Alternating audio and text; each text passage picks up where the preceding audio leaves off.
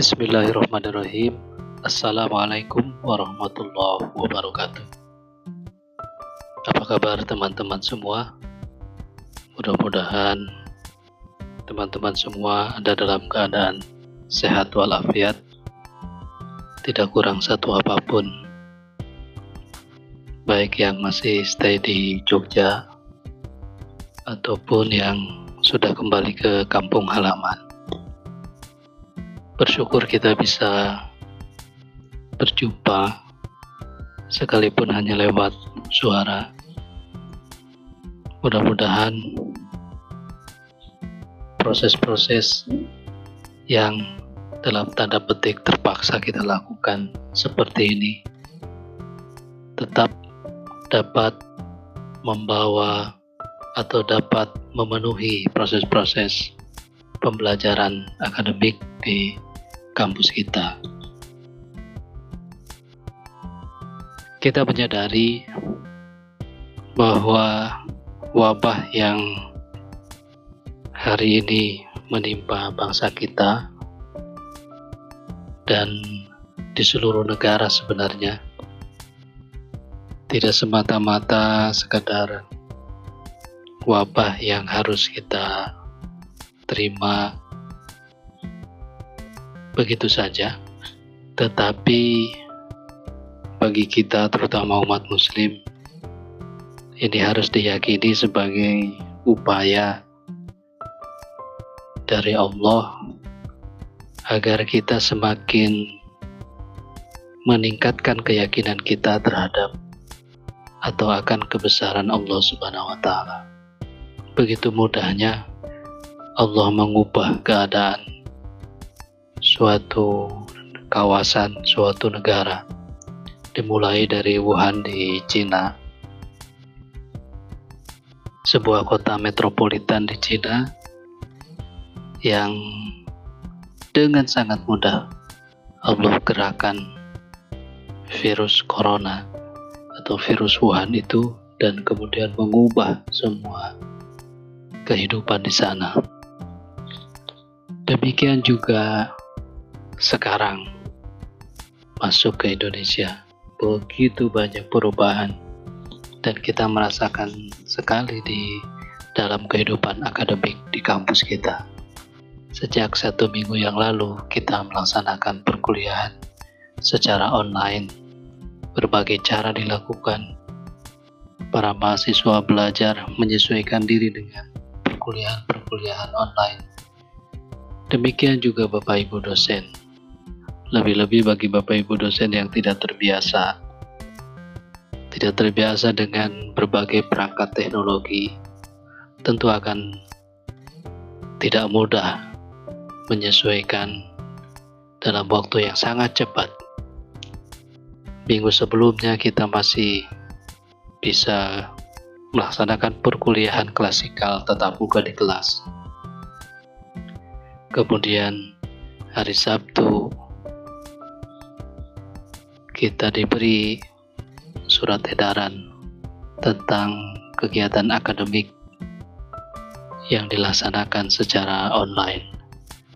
Begitu cepatnya perubahan yang terjadi dan sekali lagi mari musibah yang sedang menimpa bangsa kita ini kita sikapi dengan lapang dada tentu tidak lupa kita selalu berikhtiar untuk terbebas, terhindar dari wabah virus corona itu.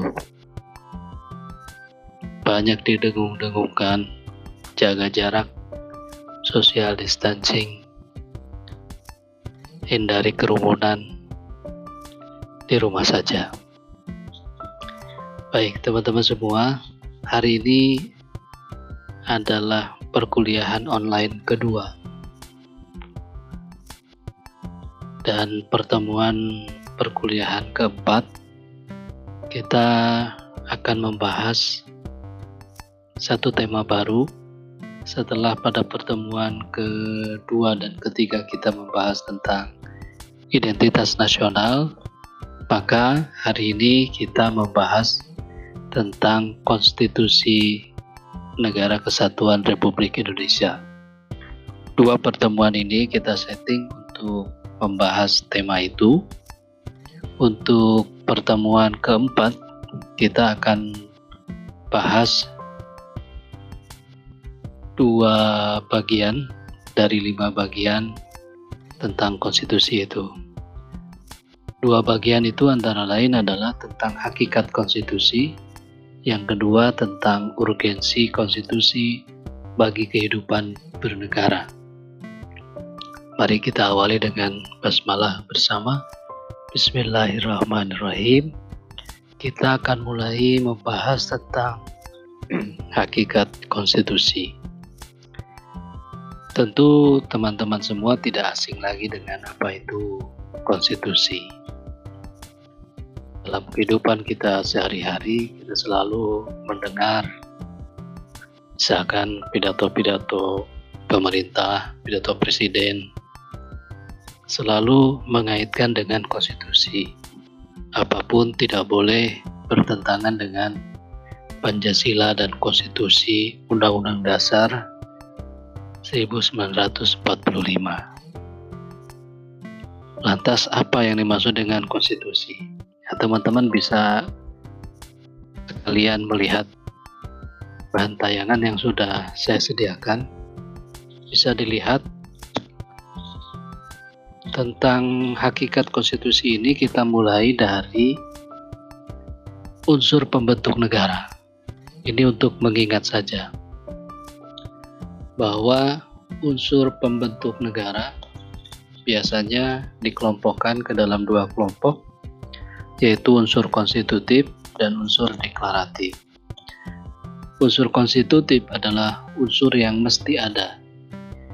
Jadi negara akan disebut sebagai sebuah negara jika di dalamnya ada wilayah jelas, ada rakyat, dan ada pemerintahan yang berdaulat. Itu wajib ada. Sedangkan yang kedua adalah unsur deklaratif. Unsur ini kalau dalam bahasa agama bukan wajib tetapi sunnah saja. Apa saja unsur deklaratif itu? Yang pertama ada tujuan negara. Dalam konteks negara kita, kita punya tujuan negara. Di mana tujuan negara itu? Tentu dapat kita baca di dalam pembukaan Undang-Undang Dasar 1945 melindungi segenap bangsa Indonesia, memajukan kesejahteraan umum, mencerdaskan kehidupan bangsa, serta ikut melaksanakan ketertiban dunia atau perdamaian dunia. Itu tujuan negara. Negara kita punya tujuan kita bernegara. Mungkin saja ada negara lain yang tidak jelas atau tidak mencantumkan apa tujuannya dibentuk negara. Kemudian yang kedua, unsur deklaratif itu adalah adanya konstitusi, adanya hukum dasar, hukum yang paling mendasar. Kemudian yang ketiga adalah pengakuan dari negara lain dan yang keempat masuk ke dalam PBB. Nah, keempat unsur-unsur itu masuk dalam unsur deklaratif. Dia sudah saja kalau negara tidak masuk dalam PBB, tetapi unsur-unsur konstitutifnya terpenuhi, dia masih kita sebut negara. Negara lain tidak mengakui, tetapi secara konstitutif semua unsurnya, tiga unsurnya itu terpenuhi, masih bisa saja kita sebut itu sebuah negara. Konstitusi juga demikian, sebab di beberapa negara yang lain ditemukan ada negara yang tidak memiliki konstitusi. Mungkin yang dimaksud adalah tidak memiliki konstitusi yang tertulis seperti yang dimiliki oleh negara kita. Nah, dari unsur deklaratif itu kita mengetahui bahwa konstitusi adalah salah satu unsur yang semestinya ada, yang disunahkan ada Nah, kemudian apa konstitusi itu? Teman-teman bisa lihat di slide kelima. Di sana ada beberapa istilah konstitusi, bisa dibaca. Ada constitution, ada konstituti, ada konstitusional, ada Verfassung dari bahasa Jerman, ada Constitutio, dan ada Fundamental Laws dalam bahasa Amerika Serikat. Lantas apa bedanya konstitusi dan undang-undang dasar? Kita sering menyebut ada konstitusi, ada undang-undang dasar. Ternyata undang-undang dasar dan konstitusi itu bisa dibedakan terutama dari asal bahasa kedua istilah itu. Kalau konstitusi seperti tadi di slide kelima, undang-undang dasar eh, dari bahasa Belanda yaitu groundwet. Ground itu tanah, wet itu undang-undang. Jadi tan ground itu tanah atau dasar, wet itu undang-undang. Jadi undang-undang dasar artinya sama sebenarnya. Konstitusi dan undang-undang dasar itu hanya istilah saja yang berbeda. Dalam beberapa kesempatan ini sering diartikan sama. Tetapi ada juga uh, yang membedakan. Coba kita lihat di slide ketujuh. Di sana disebut bahwa Undang-Undang Dasar itu adalah bagian tertulis dari suatu konstitusi. Sedangkan konstitusi memuat baik peraturan tertulis maupun yang tidak tertulis. Nah, dengan demikian, maka kalau kita simpulkan, konstitusi ternyata lebih luas cakupannya daripada undang-undang dasar. Sebab undang-undang dasar hanyalah bagian tertulis saja dari suatu konstitusi. Sebab konstitusi terdiri atas atau memuat baik peraturan-peraturan tertulis ataupun yang tidak tertulis. Yang tertulis itu artinya yang terdokumentasikan dalam sebuah dokumen, dalam sebuah buku seperti Undang-Undang Dasar kita. Nah, berikutnya ada pengertian yang cukup komprehensif, yang cukup lengkap tentang konstitusi yang dikemukakan oleh Profesor Jimli As-Siddiqi. Beliau mantan Ketua Mahkamah Konstitusi sekarang posisinya dia sebagai anggota DPD perwakilan DKI Jakarta.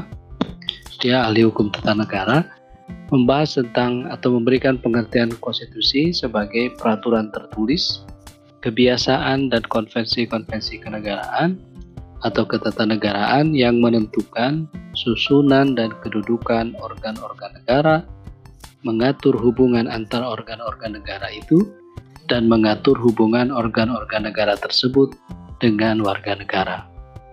Nah, saya sebut ini sebagai pengertian yang cukup komprehensif karena di sana tercantum bahwa konstitusi itu adalah peraturan tertulis. Ada kebiasaan-kebiasaan dan konvensi kenegaraan yang peraturan tertulis atau kebiasaan-kebiasaan atau konvensi kenegaraan itu menentukan susunan dan kedudukan organ-organ negara.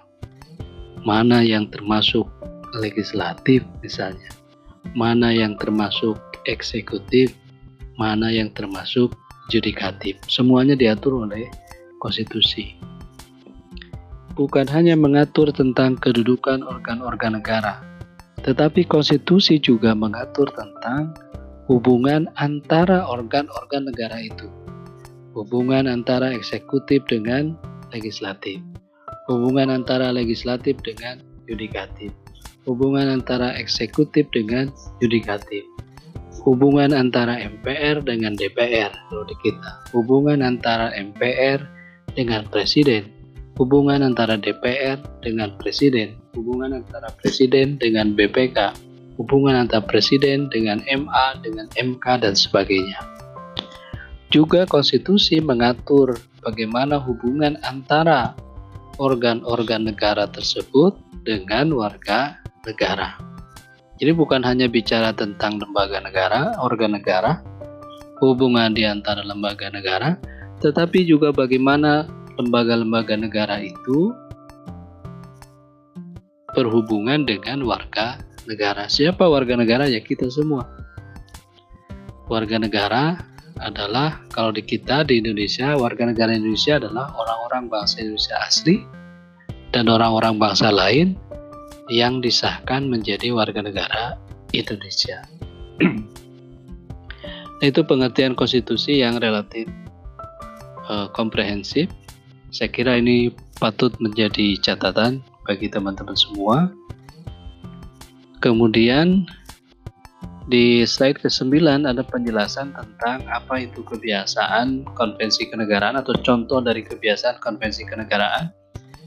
Di Indonesia kita misalnya ada pidato kenegaraan presiden di hadapan sidang paripurna DPR setiap tanggal 16 Agustus. Itu kebiasaan atau konvensi kenegaraan. Tidak diatur di dalam eh, Undang-Undang uh, Dasar, tetapi itu sudah menjadi konvensi kenegaraan bahwa setiap tanggal 16 Agustus Presiden melakukan pidato kenegaraan di hadapan sidang paripurna DPR. Kemudian Keterangan pemerintah tentang RAPBN Rencana Anggaran Pendapatan Belanja Negara di hadapan DPR pada minggu pertama bulan Januari setiap tahunnya. Ini juga kebiasaan-kebiasaan kenegaraan. Selanjutnya, pengertian yang lain dari Herman Heller ini bisa dibaca oleh teman-teman semua bahwa konstitusi itu bisa diartikan dalam pengertian politis sosiologis, yang kedua dalam pengertian yuridis, dan yang ketiga konstitusi pengertiannya lebih luas dari undang-undang dasar. Kalau mengikuti pandangannya uh, Van Aveldoorn tadi bahwa undang-undang dasar itu hanyalah bagian tertulis dari konstitusi. Baik, saya lanjut ke bagian kedua tentang urgensi konstitusi. Urgensi konstitusi ini atau pentingnya konstitusi bagi kehidupan bernegara. Mengapa sebuah negara penting memiliki konstitusi? Atau dalam bahasa yang sederhana, mengapa sebuah lingkungan masyarakat perlu adanya aturan?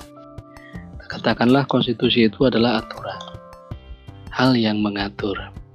Kalau menurut Profesor Miriam Budiarjo, di dalam konstitusi itu, itu ada empat hal utama. Dia mengatur tentang organisasi negara, dia mengatur tentang hak asasi manusia, dia mengatur tentang prosedur untuk mengubah undang-undang dasar, dan ada kalanya pula memuat larangan untuk mengubah sifat tertentu dari Undang-Undang Dasar. Jadi itu materi muatan konstitusi. Karena konstitusi memuat empat hal itu, maka sesungguhnya fungsi konstitusi itu membatasi kekuasaan pemerintah. Sedemikian rupa, sehingga penyelenggaraan kekuasaan tidak bersifat sewenang-wenang. Jadi adanya konstitusi itu fungsinya yang utama adalah membatasi eh, kekuasaan pemerintah sedemikian rupa. Nah, sehingga penyelenggaraan kekuasaan tidak bersifat sewenang-wenang. Nah, dengan demikian diharapkan hak-hak warga negara akan lebih terlindungi karena pemerintah sendiri dibatasi oleh undang-undang dasar, oleh konstitusi itu. Apa yang dibatasi? Misalnya kewenangannya dibatasi diatur oleh konstitusi, tugasnya, fungsinya, masa jabatannya, dan sebagainya. Nah, kekuasaan itu di dalam konstitusi adalah pusat perhatiannya. Kenapa? Karena kekuasaan itu perlu diatur. Sebab kalau kekuasaan tidak diatur, maka dia pasti akan disalahgunakan. Ada pernyataan politik, ada geopolitik, kekuasaan itu cenderung disalahgunakan. Jadi seseorang yang punya kekuasaan itu ada kecenderungan disalahgunakan. Dia menyalahgunakan kekuasaan itu. Apalagi kekuasaan yang absolut, yang mutlak, pasti disalahgunakan. Nah, teman-teman, materi tentang dua materi uh, awal tentang konstitusi, tentang hakikat dan urgensi pentingnya konstitusi bagi kehidupan e, bernegara. Itu karena konstitusi memuat e, berbagai materi tentang organisasi negara, tentang hak asasi manusia, prosedur mengubah undang-undang dasar, dan dan ada ada kalanya memuat larangan untuk mengubah sifat tertentu dari undang-undang dasar serta karena fungsi konstitusi untuk membatasi kekuasaan, maka konstitusi itu menjadi penting ada di dalam sebuah negara. Karena kekuasaan itu memang harus dibatasi. Sebab kalau tidak dibatasi, maka kekuasaan itu pasti akan disalahgunakan. Nah, itu untuk pertemuan kita. Belum ada tugas, di pertemuan ke empat ini saya berikan kesempatan Anda untuk istirahat mengurangi beban tugas-tugas yang mungkin saja diberikan oleh dosen di mata kuliah yang lain. Jadi Anda cukup baca slide yang sudah saya susun, pelajari, cermati, resapi, Kemudian nanti di pertemuan berikutnya kita juga masih melanjutkan pembahasan tentang konstitusi ini yaitu membahas tentang Undang-Undang Dasar 1945 sebagai konstitusi Indonesia. Kemudian dinamika dan tantangan konstitusi di Indonesia. Dan yang terakhir adalah perilaku konstitusional warga negara. Demikian pemaparan tentang konstitusi bagian pertama. Kita berjumpa lagi di penjelasan konstitusi bagian kedua. Tetap semangat, jaga jarak, hindari kerumunan, di rumah saja. Assalamualaikum warahmatullahi wabarakatuh.